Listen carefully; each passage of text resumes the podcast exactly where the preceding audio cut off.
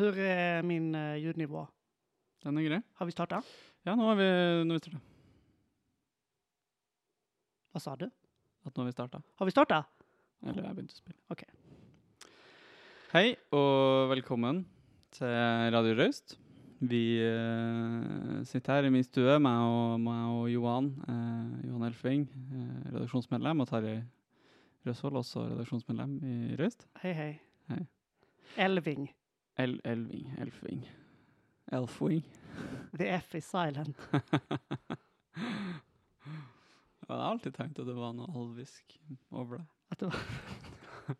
Okej. Det som eh, skjer, er at vi har lagt ut en ny uh, tekstlokker. Det heter ikke det lenger. Det heter temaskildring. är. Temaskildring. Eh, som er ment å skildre hvilket tema vi vil at eh, eh, folk skal skrive om til vårt neste nummer. Eh, Ja. Det handler da om Stoltenberg II-regjeringa. Eh, vi skal ha to nummer nå hvor vi ser fremover og bakover, er vel eh, tanken. Ja. Ehm, og det bakoverskuende ser da på Stoltenberg II, eh, som jeg skriver i skildringa. Det skal ikke på en måte være Eh, det var dumt att vi bombade i Libya och att vi baila ut banken, eh, Uh, om än det selvfølgelig er men, lovlig å mene det. Eh, jag vill vara vil være så vidt enig i det òg. Eh, men att vi heller prøver å se på den mer dag-til-dag-politikken som blev ført.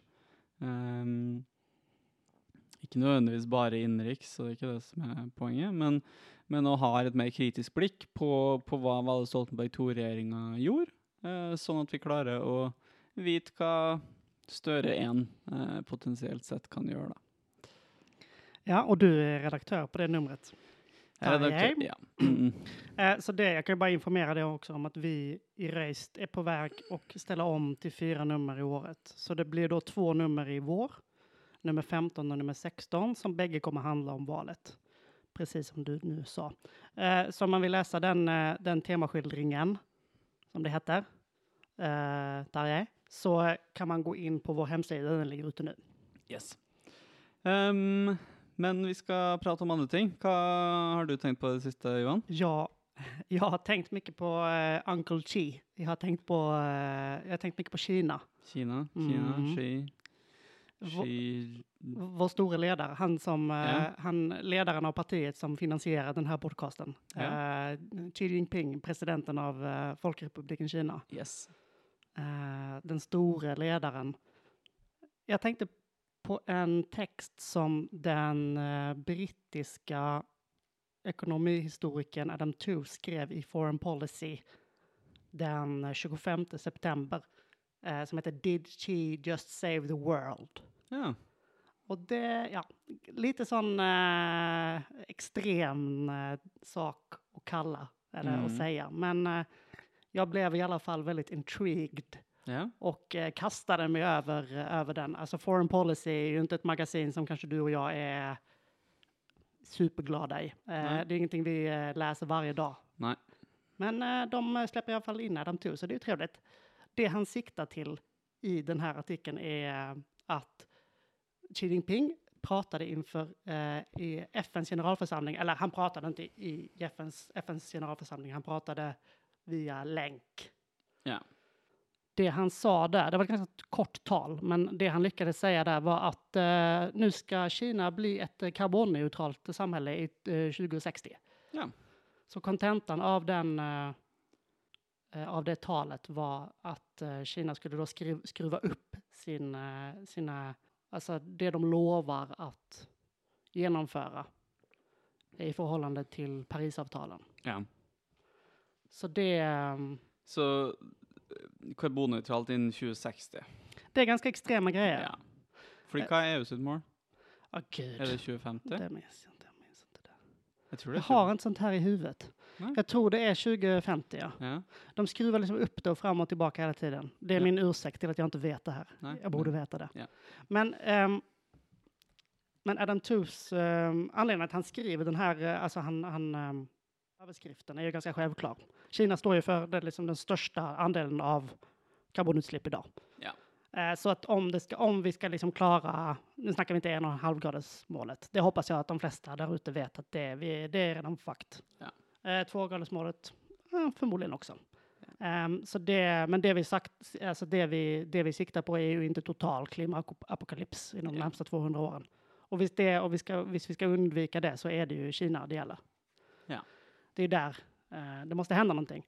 Ehm, så det anledningen att då sa det här var är för att eh, kommunistpartiet ska komma med sin nya femårsplan, den 14 femårsplanen som ska släppas eh, senare i höst. Och då har ju folk varit spända väldigt länge på vad det är som ska, alltså vad är miljömålen som ska eh, introduceras i den här planen. För de Mm. senaste planerna så har det ju varit mer och mer fokus på miljö och klimat. Men det är ju extremt olika intressen i Kina såklart. Ja. Eh, och kolkraft står idag för runt liksom hälften av eh, energitillförseln i Kina. Ja. Vilket ju är ett superstort problem.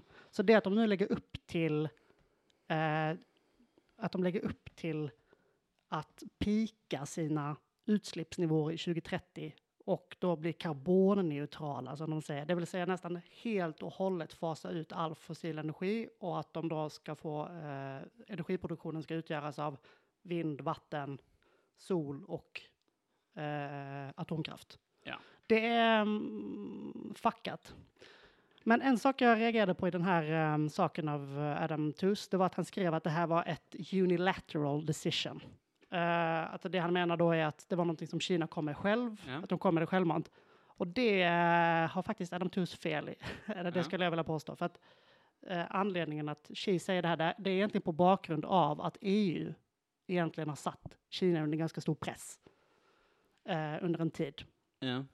Eh, för att EU har sedan Trump blev president eh, sett mer och mer till Kina för Ja. att eh, söka samarbete kring klima. Och innan pandemin kom så skulle man egentligen hålla ett klimamöte i Glasgow i november. Ja. Så det här mötet, eller det här, ers- alltså det här um, utspelet, eh, måste liksom ses på bakgrund av det som EU och Kina har kommit överens med.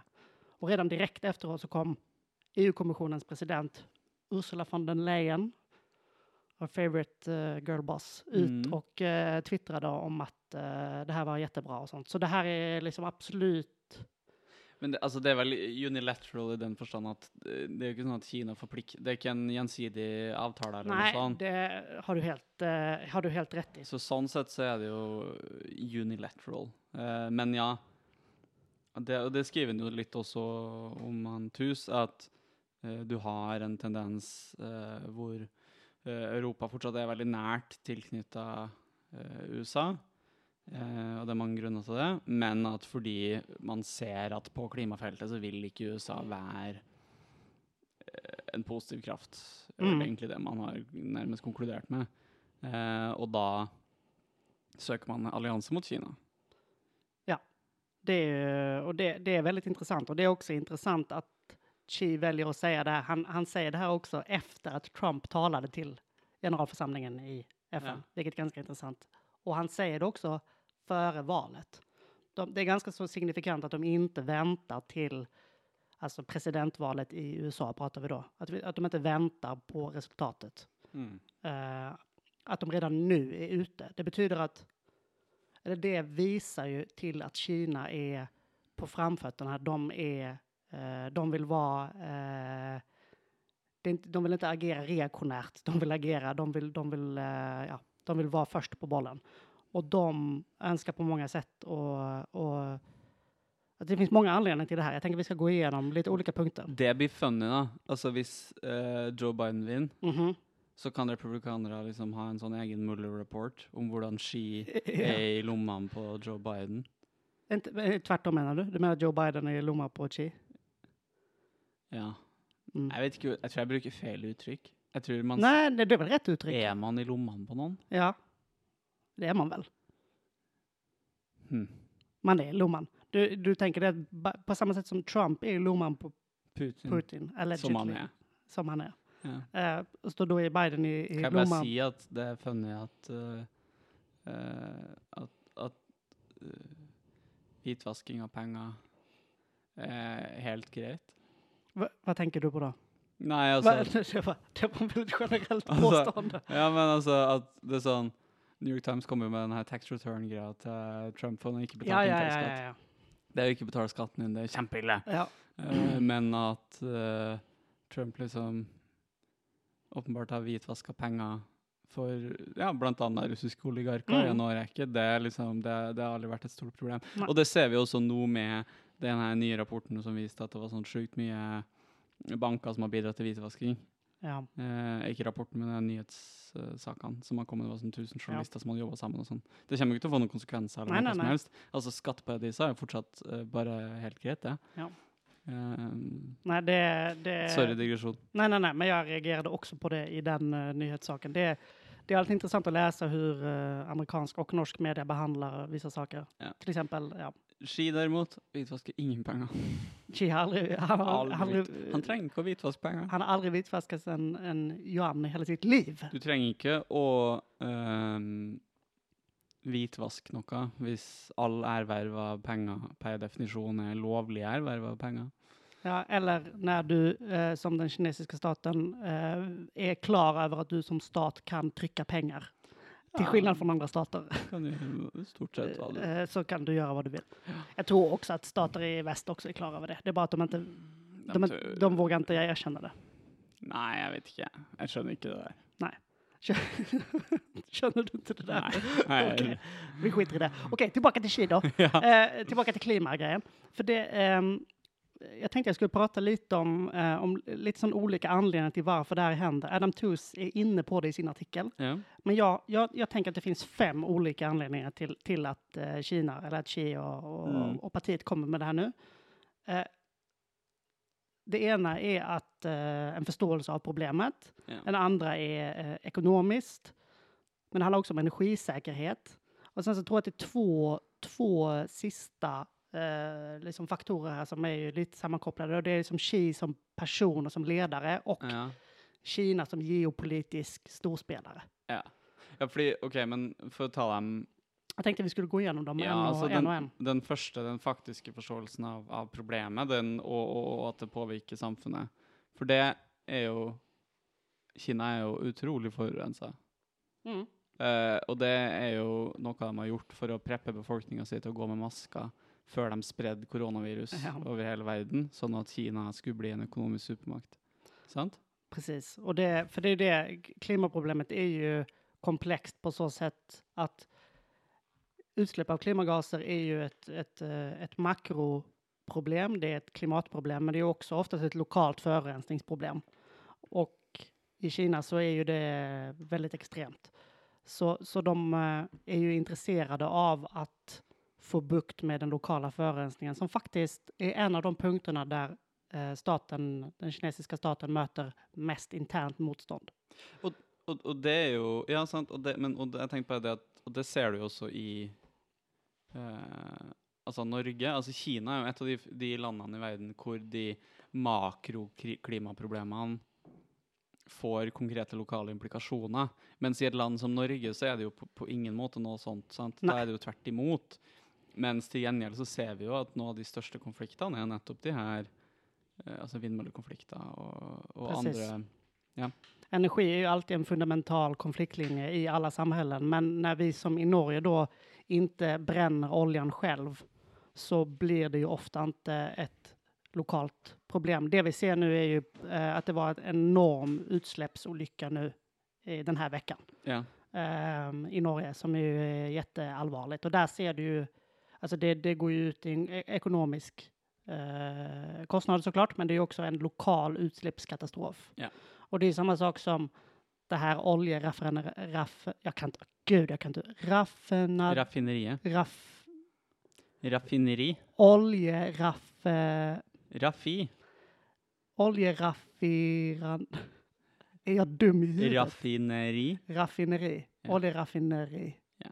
1 Nice. i utanför Göteborg som det svenska oljeföretaget Preem skulle bygga men som blev strandad på grund av att de eh, att det faktiskt inte var ekonomiskt lönsamt för dem Nej. att, att bygga ut det. Men det skulle ju bli den största enskilda utsläppspunkten i Sverige. Ja. Och det säger ju någonting om eh, ja, eller jag vet inte vad det säger någonting om, men poängen oavsett att Kina, eh, de lokala problemen är väldigt, väldigt stora och vi hör väldigt lite om de interna konflikterna i Kina av massa olika Ja, anledningar. diktatur, det finnes ikke konflikt. Det finns inte konflikt, ja. Det är två intressanta saker som jag har försökt läsa mig upp på som jag tycker är väldigt intressanta. Det första är ju arbets, eh, alltså klasskamp i Kina. Ja. Där du har en, en, en enormt uppsving i eh, faktiskt som maoistisk, marxistiska rörelser som är mot det kinesiska kommunistpartiet, vilket är superspännande Mm. eftersom de ju är hela världens eh, industripark så, Mm. så har de ju, det är ju världens arbetarklass som Ja. är där. Eh, Mm.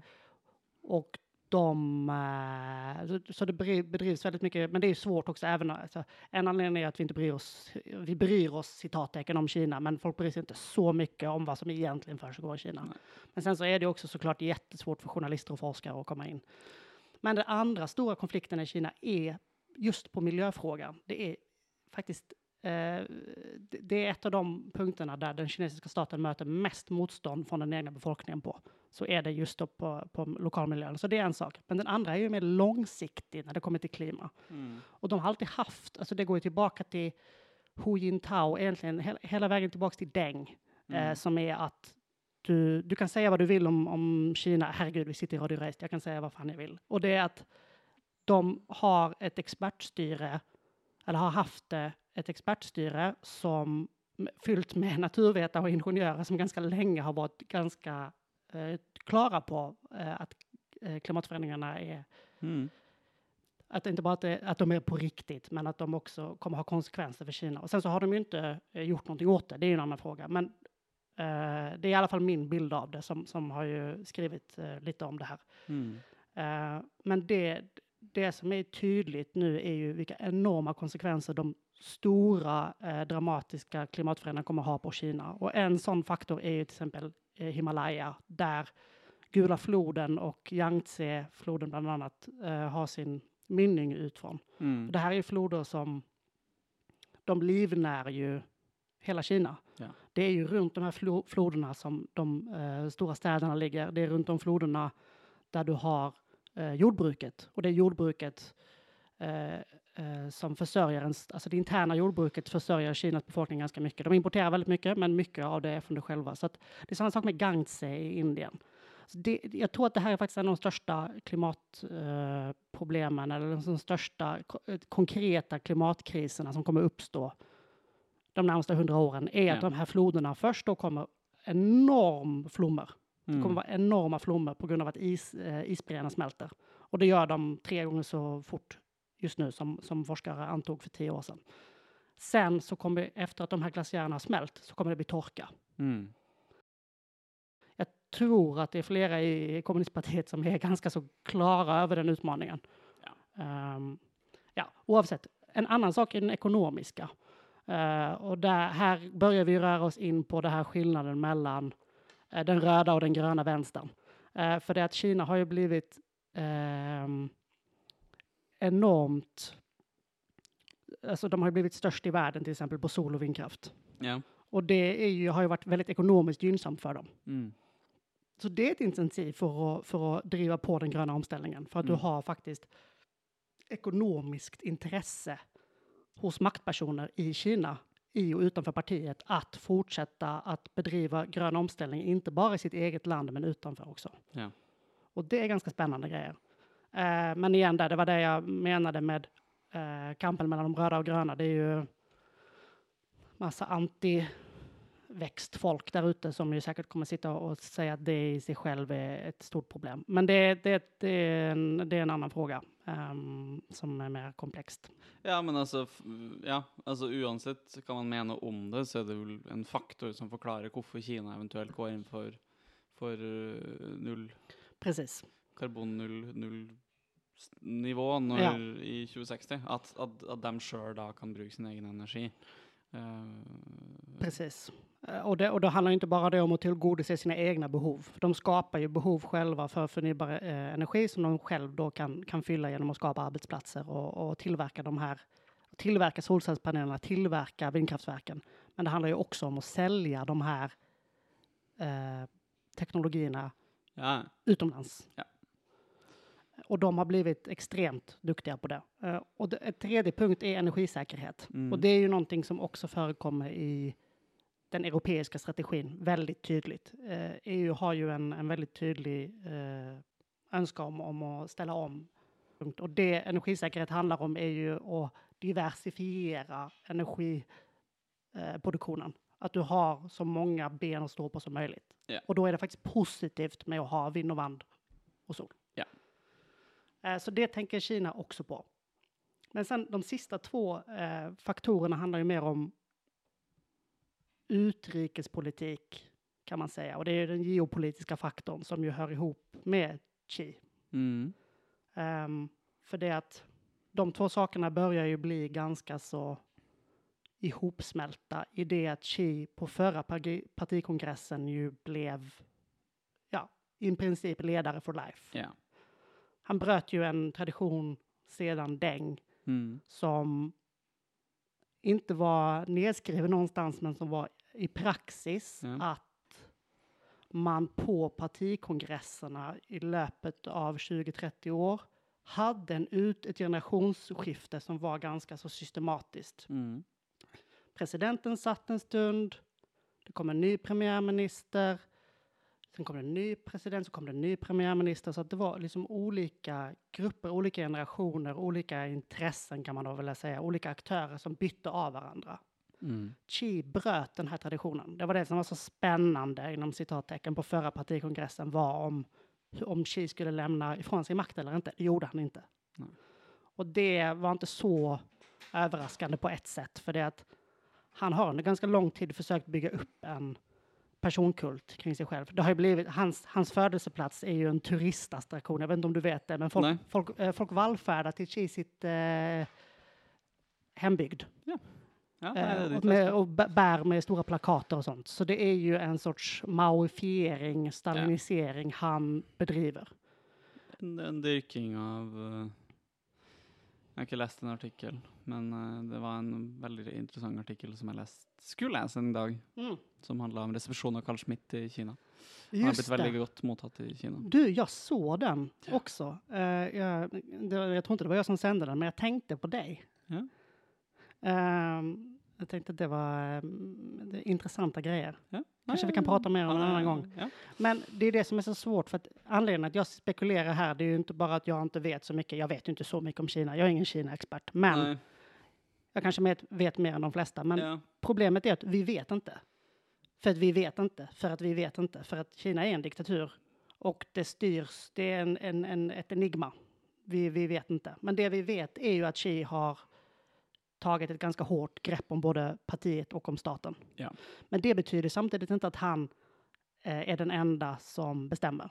Kina är Ja, ju ja. ett land på en miljard människor, som, eller över en miljard människor, som de flesta vet. Du har enorma intressen i kolindustrin till exempel, som inte är ett dugg intresserade av att det ska ske någon sorts grön omställning. Ja, och, och, och alltså det att du har ett styressätt med en eh, stark politisk centralism i den förstånd att det är en person som alla är eh, ansvarliga overfor, eh, i motsättning till för exempel demokrati, där alla är angivelig i hvert fall er ansvarlige overfor folk och så vidare. Eh, altså det trenger jo ikke nødvendigvis å endre de, de, de, de praktisk-politiske spørsmålene i sånn enormt stor grad, eh, i den forstand at ehm, den norske lederen vil alltid bare være i stand til å stake ut en retning, og så må alle mer eller mindre klare å følge den retninga, men innenfor den retninga kan det være masse, masse rom til å f.eks. gå i en mer eller mindre kullvennlig retning. Da. Nettopp fordi at beslutningsstrukturene vil være nødvendigvis desentralisert i et så stort land. Ja, och, och det kvittar lite vad Xi som person tycker eller vad partiledningen eh, tänker eh, eller vill göra. För det att de senaste 40 åren så har ju eh, Kina blivit en ganska så,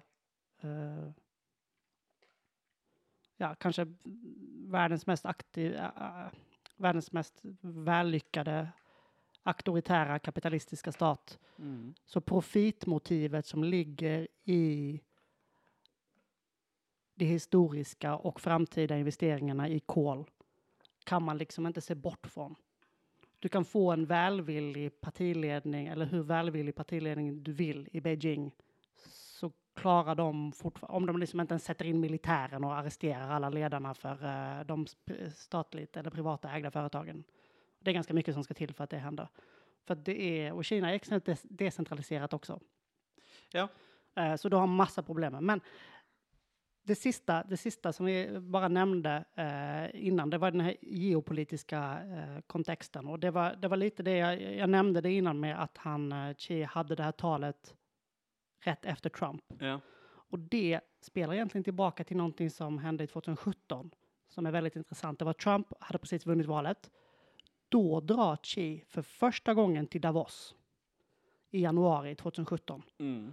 Där han går upp på scenen och börjar prata om de stora utmaningarna som mänskligheten står framför som vi måste enas kring. Och han nämner då klimathotet som en av dem vi måste enas och, och kämpa runt. Och det var ju väldigt många snabba på att säga här är det Kina som är på väg att ta på ledartröjan. De ser ett vakuum som liksom Trump sugde liksom ut eh, väldigt mycket eh, saker som, som man kan säga vad man vill om Obama och jag, in, jag prövar inte att försvara Obama sin klimatpolitik på något sätt, men han, han lyckades ju ändå få till ett avtal med Kina. Han lyckades få Kina att komma till, till bordet eh, i FN-förhandlingarna. Så, så det att, att Trump kom till makten gjorde oavsett att, att då Xi kom eh, jag tror att de insåg att här fanns ett, ett rum och det, det, det, har vi, det har vi sett nu. Alltså nu EU när, närmar sig Kina nu till exempel Ja.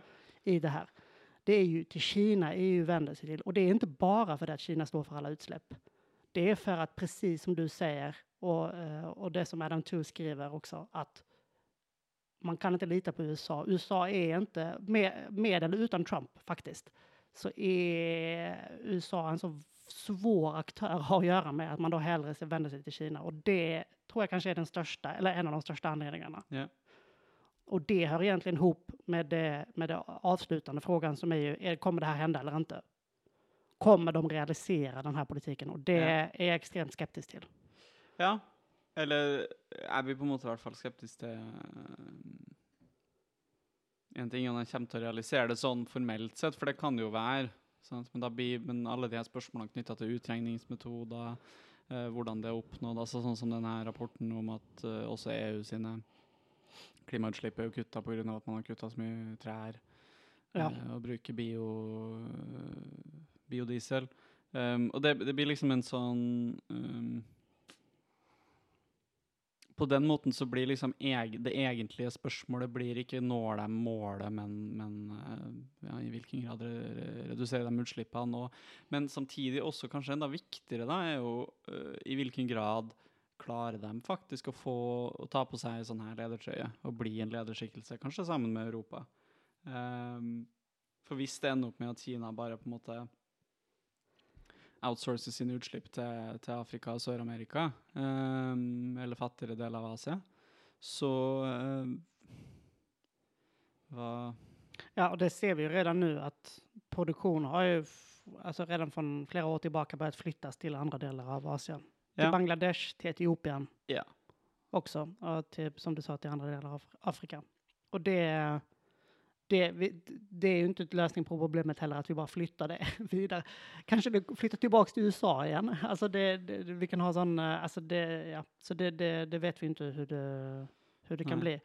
Men det du säger, det är det som är det stora problemet i allt det här med klima. Och när du ska prata om statistik, när du ska prata om tal, så är det det här du nämnde med träd, eh, Mm. av, avskogning och sånt. Så är det vissa forskare som menar att det har ingen betydelse alls. Mm. Att vi visst reducerar. Så att du, du kan trixa ganska mycket med tal. Ja. Men du kan bara trixa så långt. Ja. Eh, det går inte att säga att du är karbonneutralt visst du inte är det.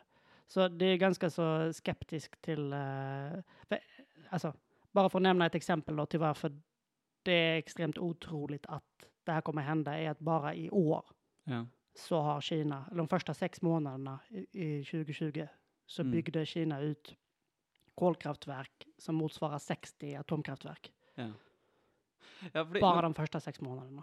ja, men fordi altså det som Altså sjøl innafor en sånn her eh, Man trenger liksom ikke å ha en nødvendigvis, da, en Hva skal jeg kalle en vulgærmarxistisk eh, alle stater søker bare å maksimere profitt, for det gjør de jo ikke. Altså, det er jo den, det er den vulgære forståelsen av statens rolle, det at staten skal søke å maksimere profitt. Altså, statens formål er mer, mer presist, egentlig, å si det som at det skal ha et, opprettholde et st- stabilt samfunn, det skal reprodusere kapitalismen.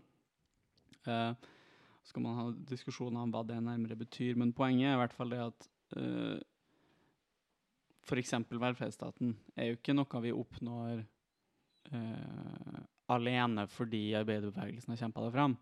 Det, uppstår jo, det oppstår jo også som en respons på, uh, på underkonsumsjon og behovet for å øke inntektene i befolkninga.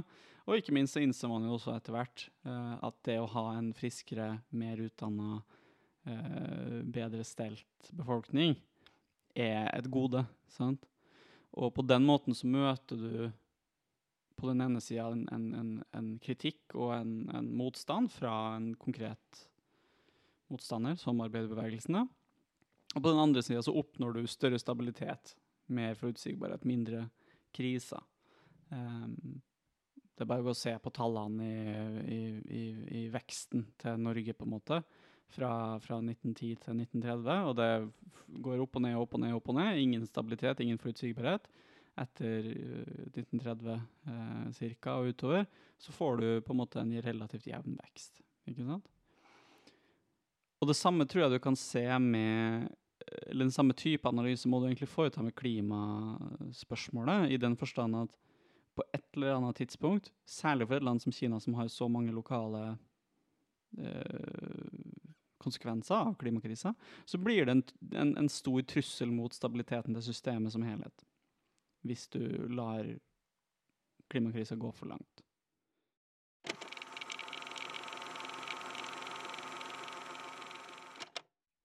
Vem, har du läst någonting, eh, Tarjei, som du är irriterad över? Um, ja, jeg har lest eh, en ting om jeg er irritert. Det Nei, jeg er litt mer, kanskje litt mer undrende ambivalent. eh, nysgjerrig. Jaså? Um, det er da um, Rødt har sluppet sitt nye arbeidsprogram. Ja. Um, og i den anledning da, så sier eh, Marie Sneve Martinussen, som har vært leder for, for den prosessen, og er nestleder i, i Rødt eh, Veldig dyktig politiker, vil bare si det. Eh, så det er ikke det. Ehm, men hun sier da det her i en pressekonferanse. Det här är Rødt sitt første program som stortingsparti. Det er et nytt program som står støtt på de tydelige og gjenkjennelige politiske prinsippene vi bestandig har hatt, men der en del slagord er bytta ut med konkret og gjennomførbar politikk. Det trengs, for hvis Rødt skal få innflytelse, så må vi erstatte en del av de gode målene våre med skrittene på veien for å oppnå målene. Eh, En del av det som står i programmet er nytt for hele verden. Det er faktisk nye ideer. Andre ting er nytt for partidemokratiet. Det er ting som Ja. vi her Ja. Um, så det Det her hører man jo på en måte øh, oppsummert um, mye av det som jeg skal snakke om i dag. Um, og, og, og hun utdyper jo også det her eh, i et eh, intervju hun hadde med VG eh, for litt siden. Eh, det her det finnes en liten sånn tvetydighet i budskapet her. Sant? For at hun sier i intervjuet at uh, vi har dag for dag gjennom tre år plukka fra hverandre vår politiske plattform, funnet ut hva de viktige prinsippene er, og funnet ut hvordan de kan brytes ned til mer konkrete, gjennomførbare og realistiske krav. Sitat slutt. Og Det kan jo tolkes på flere måter, men den mest velvillige den er nok at man har sett et behov for å konkretisere sine prinsipper. Sant? Og det, det, det kan man jo si, og det er litt galt i det. Um, og, og, og jeg skal liksom ikke felle noe dom her over egentlig om man har eh, blivit blitt mer reformistisk, eller hva man skal kalle det, liksom. Um, det som jeg har lyst til å spørre om, eller det jeg har lyst til å si, da, det är at det, det er ikke uproblematisk at man føler for å fremstå uh, eh, mer realistisk. Om hvis vi ser på den konkrete politikken, så er jo ikke de mer sånn høytflyvende ideene vekke. Eh, man eh, sitat, støtter desentralisering av kapital gjennom kooperative, arbeiderstyrte sparkassa, sparekasser, privateide småbedrifter og lignende eierformer. Sitat slutt. Man foreslår konkrete endringer for å gjennomføre de her eh, ideene. Og Samtidig så er det jo mange av de umiddelbare kravene som er, som er dempa ned. F.eks. Uh, Marie nevner i intervjuet barnehager.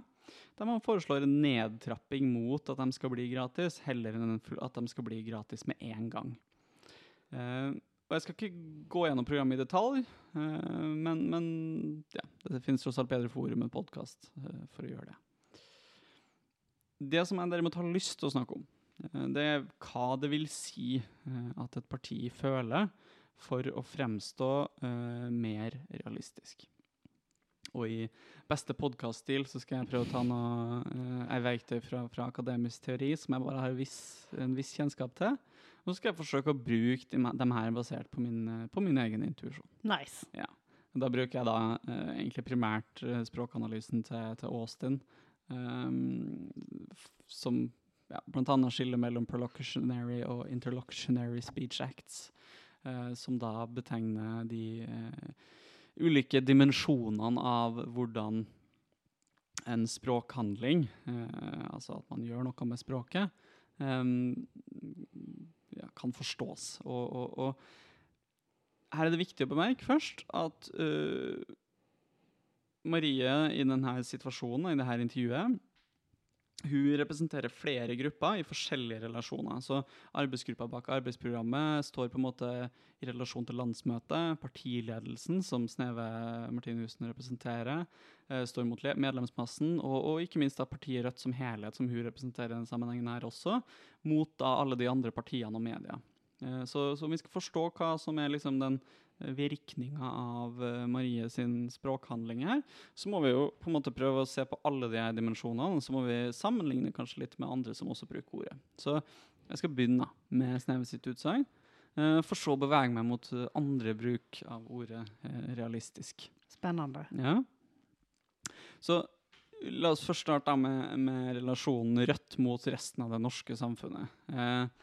og det er jo etter mitt syn utvilsomt ment som et forsøk på å forsterke Rødts integrasjon uh, eh, i politikken som et på en måte normalt parti. Uh, det her er uh, helt eksplisitt. Rødt ønsker at andre skal sitat, 'klippe og lime' sitat slutt, fra deres program. Uh, og Brodden er også mot den sånn lengevarende kritikken av Rødt som et uh, for radikalt uh, parti. altså at det er autoritært, kommunistisk osv. Og, så og igjen er det her noe som Sneve sier helt eksplisitt at har vært målsettinga. Uh, I den så är det också viktigt att hon i, i, samma intervju lyfter tanken på en samarbeidsavtale. Peker det danske, danske venstresidepartiet Enhetslista, som har en samarbeidsavtale med, med, sin regering. Och det är därmed på en måte inte bara offentlighetens intryck av Rødt som, som, som blir försökt påverka, men också helt konkret Rødts inpass i, i ett framtida regeringssamarbete. Mm. Og så er det i tillegg dimensjonen mot, mot velgerne. Uh, her uttrykker jo Martinussen gjennom å bruke ordet realistisk at partiet har et sitat, uh, eh, ansvar når de har eh, velgere i ryggen for å gjennomføre målene. Du må ha en plan som er mer detaljert lengre og har flere sider. sitat slutt. Så her på en måte nedtones jo skiftene. Eh, og som sagt så tar jeg jo ikke stilling til om det er helt klart at man reelt sett har forandra så mye poenget mitt det er heller det at Martinussen uh, eh, appellerer på et sett til, et, til, en, til, en, institusjonell ordning. Altså Vi velges uh, eh, som parti på de punktene vi lover å gjennomføre, og, og, om våre lovnader ikke kan realiseres, så kan ikke vi oppfylle vårt formål som parti. Så Derfor så må vi ha en realistisk eh, uh, politikk. Det er egentlig et litt sånn viktig poeng, eh, fordi eh, det betyr at Rødt begynner å se seg sjøl som et mer tradisjonelt parlamentarisk eh, parti, og ikke i alle fall bare eh, som en radikal bevegelse sin, sitt, sitt, parlamentariske uttrykk. Eh, en av de sentrale forskjellene her er jo at førstnevnte eh, nettopp lover politikk, men sistnevnte lover å jobbe for prinsipper eller verdier eh, som deles av den bevegelsen de kommer ut fra. Ja, det, det, är ju lite sånn att de är på väg bort från den där ML-stämpeln då, till ja. att bli ett, eh, till att bli ett ordentligt parti ja. i det moderna Norge. Nettopp. Og det, det, ser vi også i den siste dimensjonen, som er mot, mot medlemmene. Uh, og her uttrykker jo på en måte ordet realistisk, spesielt til venstrefløyen i, i partiet, at uh, eh, Eh, som, som Martinussen sjøl sier, sitat, hvis det du foreslår ikke kan gjennomføres, da er det heller ikke særlig radikalt. Det er kanskje en lærdom som står sterkere i Rødt nå enn det gjorde tidligere, og som er en grunn til at vi får større plass i norsk politikk enn tidligere. Sitat slutt. Så med andre ord, eh, ikke kom med for høye krav. Det er moderasjon som har gitt oss innpass. Og en slik innpass gir innflytelse som gjør oss bedre i stand til å påvirke. Ja, alltså det här, eh, det, det, det intressanta poängen du, du nämner här och det, det jag reagerade extra hårt på var att eh, Marie poängterade väldigt tydligt att det var erfarenheten av de senaste tre åren på Stortinget som var ett starkt bidragande orsak till att de lagade det här utkastet. Eller det var så jag läste det i alla fall. Mm. Och hon ger ju på så sätt mer radikala vänsterfolk i Norge, eh, ja, om de fortfarande finns, eh, på ett sätt rätt eller mer kött på benen eh, i deras, vad ska man säga, fundamentala kritik som riktas mot demokratisk politisk kamp. Det är ju den klassiska skiljelinjen mellan det man i Sverige då kallar den parlamentariska och den utomparlamentariska vänstern. Ehm, och det, alltså det hon på ett sätt implicit erkänner är ju hur de liberaldemokratiska institutionerna på ganska kort tid, det vill säga hur länge de suttit på tinget? Tre år? Eh, ja, tre år. Hur, hur de här, eh, de norska fina demokratiska institutionerna eh, liksom avradikaliserat rötter. Ja.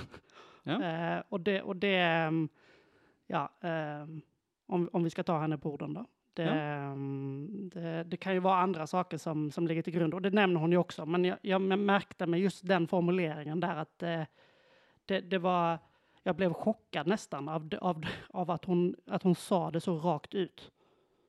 Eh, og, og jeg syns det blir, eh, det blir For det blir egentlig feil å si, og derfor er det dumt og feil. For Ja. det er ikke mitt poeng. heller, Nej, nej, nej, men, nej. Eh, men, men og det er litt det jeg, fordi det er det jeg litt lurer på sjøl, er om jeg tror nærmest at eh, at hun ikke At hun, vil ha, hun, hun er så åpen om det, og det er med vilje. Det er ikke sånn at hun Ja, ja, prøver, ja. Å, prøver å skjule at partiet påvirkes av at de er på Stortinget. Hun sier helt eksplisitt alle de tingene som den, eh, den, den, den institusjonelle ordninga Rødt har blitt en del av, eh, medfører for et parti. Ja, Så, jag, så, så, så, så jeg, jeg syns det er viktig nærmest at man tar henne på, på alvor i det hun sier.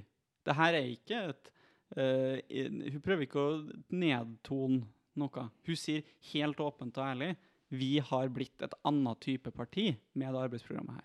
Og jeg vil at vi skal bli det, fordi jeg mener det er bra at eh, vi har fått tilgang på Finansdepartementets regnemaskin. Altså For å oppsummere, da, så, så kan jo intervjuet vil jeg si at intervjuet illustrerer at bruken av ordet er realistisk. Det tjener uh, ulike funksjoner i, i, i, altså, i ulike sammenhenger, i den forstand at, at ordet brukes én gang, men, men refererer til veldig mange forskjellige sammenhenger. Eh, så vi har det første, for det første en bruk mot partiene og media. Eh, vi er realistiske, vi er vanlige, ta oss på alvor, la oss samarbeide. For det andre mot velgerne. Dere kan holde oss til partiprogrammet nå. Vi er et parti som ikke bare jobber for et mål, men som har en konkret politikk. Vi er et parti. Eh, til slutt mot medlemmene. Vi har fått tilgang til Finansdepartementet sin regnemaskin. Vi har konkretisert, vi har sett hva som er mulighetene, og hvordan vi kan få gjennomført vår politikk. Ta det her på alvor. Ikke kom trekkende med, med sånn utopiske og ifølge dem da på en måte pseudoradikale visjoner. sant? mm. Eh, samtidig så er det jo sånn at eh, ordet realistisk da, i seg sjøl, det mangler egentlig et innhold uh, utover de her funksjonene som det, som det tjener. Uh, hva vil realistisk politikk si? Uh, det gir jo ikke Martinus noe, noe svar på. Eh, og det er heller ikke hennes siktemål. Realistisk politikk det betyr i det her intervjuet den politikken som er i stand til å oppfylle de funksjoner som begrepet realistisk brukes med sikte på å løse. Sant? Så innfri kravene fra medlemsmassen for innpass i massepolitikk og være konkretiserbar for, for velgerne. Ehm, så for å få litt sånn nærmere svar på hva denne identiteten til, som realistisk eh, egentlig skal, skal innebære, da, eh, så må vi kanskje se på hvordan andre har brukt eh, det samme begrepet. Så jeg skal gjøre det her, her og nå. Jeg bare googla 'vi må være realistisk'. Gøy. Ja. Da starter vi med Chelsea-spiller Frank Lampard, som uttrykte i etterkant att de oppnådde en fjerdeplass i Premier League. Da, at sitat, 'vi må være realistisk'. Uh, det her er jo ikke et kjempegodt resultat for Chelsea. Sant? Men mange hadde spådd forut for sesongen at de ville være utafor topp fire eh, uh, før sesongstart. Så tatt i betraktning, så, så, var det ikke så verst. Altså, det var eh, uh, realistisk at de kom til å komme innafor topp fire, men ikke noe bedre enn det. Um, og, og, den lista her den kunne egentlig blitt veldig lang om jeg tok med alle fotballagene som sa til sine supportere at vi må være realistiske. Ehm, uh, og det her er det jeg vil kalle en, en, en paternalistisk uh, realisme. da. Uh, det er kanskje den vanligste formen for realisme. Så har vi på den andre sida EU sin koronasjef, som i mai sa at vi må forberede oss på en ny smittebølge. Uh, han ønska ikke å sitat, 'tegne et dommedagsbilde', sitat slutt, men mente likevel at sitat, 'vi må være realistisk', sitat slutt. Uh, så det, det, er ikke, det, er ikke, så ille, men det er ganske ille. Uh, og det er realismen her, da. det er en, hva skal vi kalle det, en dødsrealisme. På Frøya så uh, kutta man Frivilligsentralens aktivitetstilbud med 80% i 2017. Hva er Frøya? Det er en øy. Ja, ok. Øya? I Trøndelag. Ja, ja, ja, ok. okay. Ja, det er et ganske lite sted. Uh, og jeg tenker at jeg bare skal sitere hele oppslaget i sin helhet, nærmest. Eller sitatet fra personen. Det er så mye vi skulle vært med og bidratt med støtte til, men vi er nødt til å gjøre knalltøffe prioriteringer, sier Kristin Reppe Store, gruppeleder i Arbeiderpartiet og Høyre. så, så, realisme det er da knalltøffe prioriteringer. 8 kutt til aktivitetstilbudet. Uh, og, og, den realismen kan jeg se for meg at det er veldig vanlig hvis man er gruppeleder for både Arbeiderpartiet og Høyre. Det er sånn überrealisme. Det er ja. sånn uh, realisme på speed. Ja. Um, en annen sak om en forsker som uh, påpeker at innsatte i norske fengsler ikke engang har tilgang til planter og trær i sine utearealer, så svarer administrasjonssjefen at Sitat, det faglige foreslår er veldig fine løsninger for bruken av arealer i våre uteområder, og ideene støtter jeg fullt ut. Men vi må være realistiske nok til å innse at dette er et tiltak vi ikke får gjennomført nå. Det er et spørsmål om økonomiske midler. Så uh, planter og trær, det er urealistisk. Eh, planterealisme. Det plantere, ja. Vi kan kalle det planterealisme. Uh, I etterkant um, av at Syria uh, angivelig, uh, takk stilling, Uh, jo da.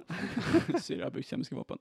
Uh, skulle ha brukt kjemiske våpen mot egne innbyggere. Så uttrykt, De har jo ikke det. Nei, da, jeg, jeg vet da faen. Jeg, jeg vil ikke ta standpunkt. OK, forlåt. Ja. Eh, så, ut, eh, så, uttrykte den britiske utenriksministeren at eh, citat, hvis regimet mistenkte at andre grupperinger sto bak angrepet, så hadde FNs våpeninspektører blitt sluppet inn for flere dager siden, da vi og andre land krevde det her. De nekta det frem til nå, og har fortsatt å bombe områdene, noe som kan ha ødelagt bevis. Vi må være realistiske på hva FNs team kan oppnå, sier eh, Haig, da, som han heter. Dette er det jeg vil kalle uh, Saddam-realismen. Uh, altså den realismen som sier at det eneste realistiske er den virkeligheten der du har gjort noe galt. Hvorfor heter den Saddam? Fordi det var det man sa til Saddam. Det var Uh, enten, nei, Grunnen til at han slipper inn våpeninspektører, er ah, at ja, ja. Uh, han har gjemt det så godt at han vet at de ikke kommer til å oh, ja, Så hvis det. de finner noe, så finner de noe. Hvis de ikke finner noe, så er det fordi han er så smart. Ja, just det. Han har, har gravd dem veldig langt ned. Yes. I, doomed, if, i, uh, ja. doomed if you do, damned, damned if you do, damned if you don't. Doomed if you do. Når det spilles for mye Doom igjen. Ja. Altså, og jeg tror Jeg hadde flere eksempler, men jeg skal holde litt kortere. Jeg tror at alle de her elementene de bidrar til en helhetlig tanke om hva, hva realisme kan bety. Uh, det er for det første en, en, fremhevelse av at noe er uunngåelig. Sånn som det beste eksempelet, det er døden. Ja. Uh, Takk for at du gir meg litt eksistensiell angst på onsdagsmorgenen. Og så er liksom grepet da, i, i, begrepet realisme det er det at denne uunngåeligheten det kobles på til en sånn paternalisme. Så fordi det er uunngåelig, så bør man og kan man ikke forvente et annet utfall. Så dermed så er alltid realismen retta mot noen som man er ansvarlig overfor. Gud. Vi kan ikke ja, for eksempel, vi kan ikke holdes ansvarlig for det utfallet som kom. Vær fornøyd. Så, så, så på denne måten så fungerer alltid realismen også som en måte å forsvare seg sjøl på. Sant? Samtidig som Ja. realisme forteller noe til dem man er ansvarlig overfor, så forteller det også noe om en sjøl, og at en sjøl heller ikke kunne eller burde ha gjort noe annerledes, fordi det motsatte ville ha vært urealistisk.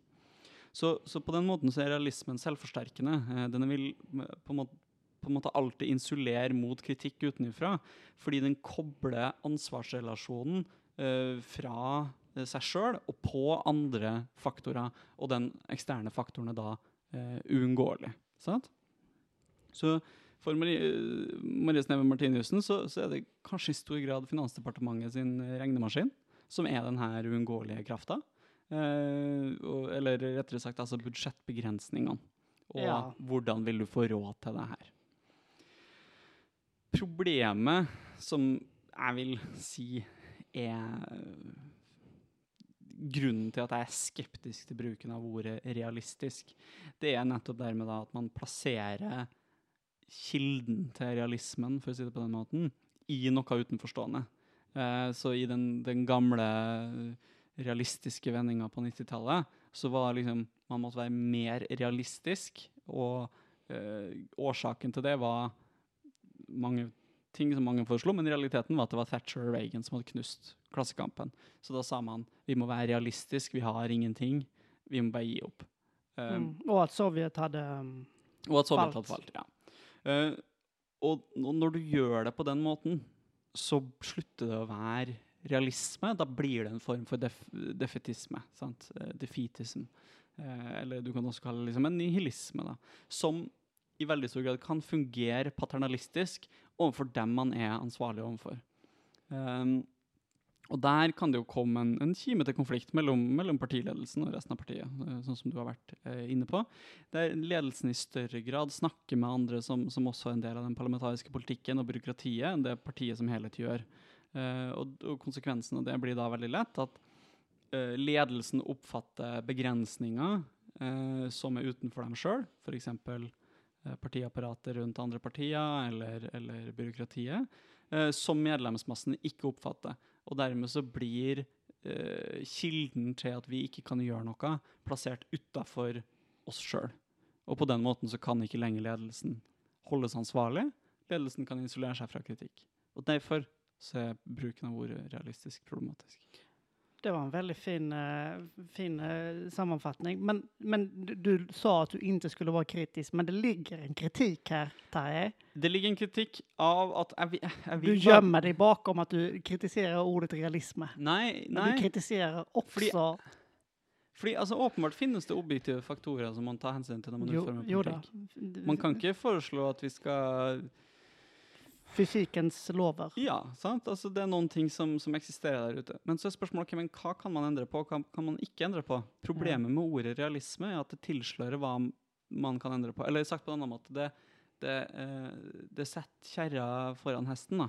Eh, Ja, ja, absolut. det tar for gitt at det finnes visse ting der som man ikke kan endre på, uten å forklare hva de tingene er, og dermed skjuler man egentlig spørsmål fra, fra diskusjon. Så akkurat det punktet er jeg kritisk til. Når men, sagt, om- så- så ja. du menar att om de inte hade använt ordet realistisk, om Marie inte hade sagt ordet det, så hade, så hade du aldrig tänkt över att eh, jo, det, men, det här... jo, jo, eller hun kunne jo altså Poenget er jo ikke termen, det begrepet. Så øh, Precis, det, det hon gör är ju, alltså Det- som, det, det kan ju beskrivas som en realistisk eh, vändning utan att hon använder det själv. Nettopp. Sant? Så, men poenget er at i tillegg, da For jeg tror at hvis, hvis man hadde tenkt mer over det her, for å si det på den måten Her er jeg fullstendig idealist.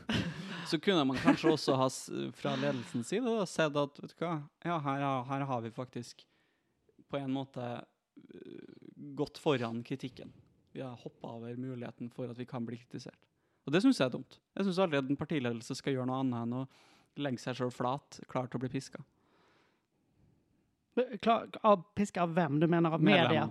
Nei, Av, av medlemmer. av medlemmarna? Okej. Media Ja, kan man ja, du menar så, okej, alltså du Ja. menar att det att hon var ute, alltså det, det hela det här eh, presentationen av programmet som innehöll aspekten eller delen som är vi eh, ja, vi, vi är före VAR när det kommer till kritik, till kritik från medlemmarna. Ja. Det, det, det är den punkten du, du tänker på Ja, det, ja.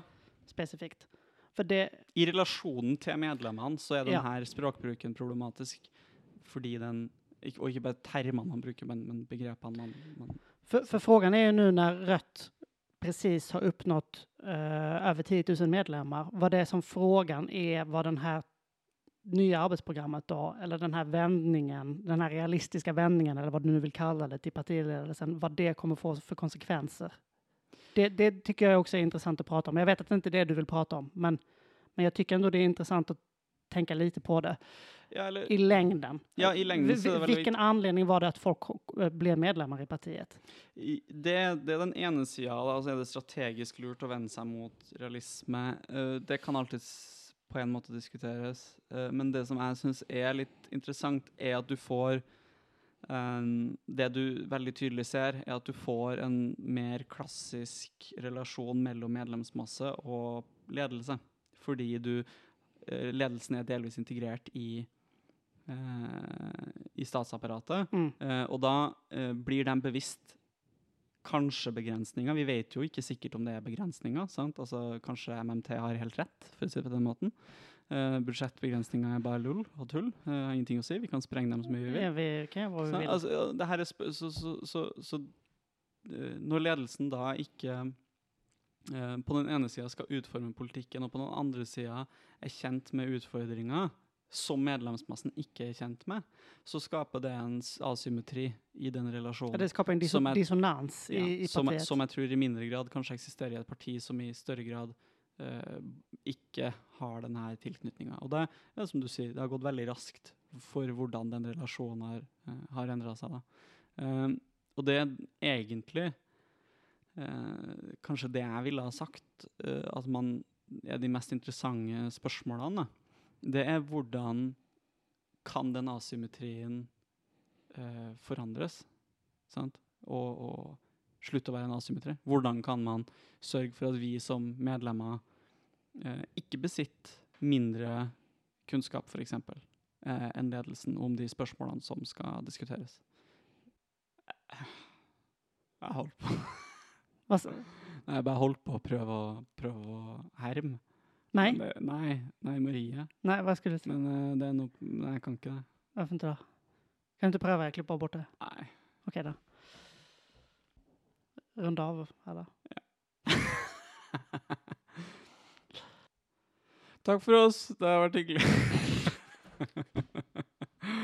det har vært eh, hyggelig å prate med Johan. Eh, det, Ja, det, det var helt okej. ja, Det var helt okej. takk til dere som lytta på. Tack så mycket. Vi ses om eh, två veckor. Yes. Ha det. bra.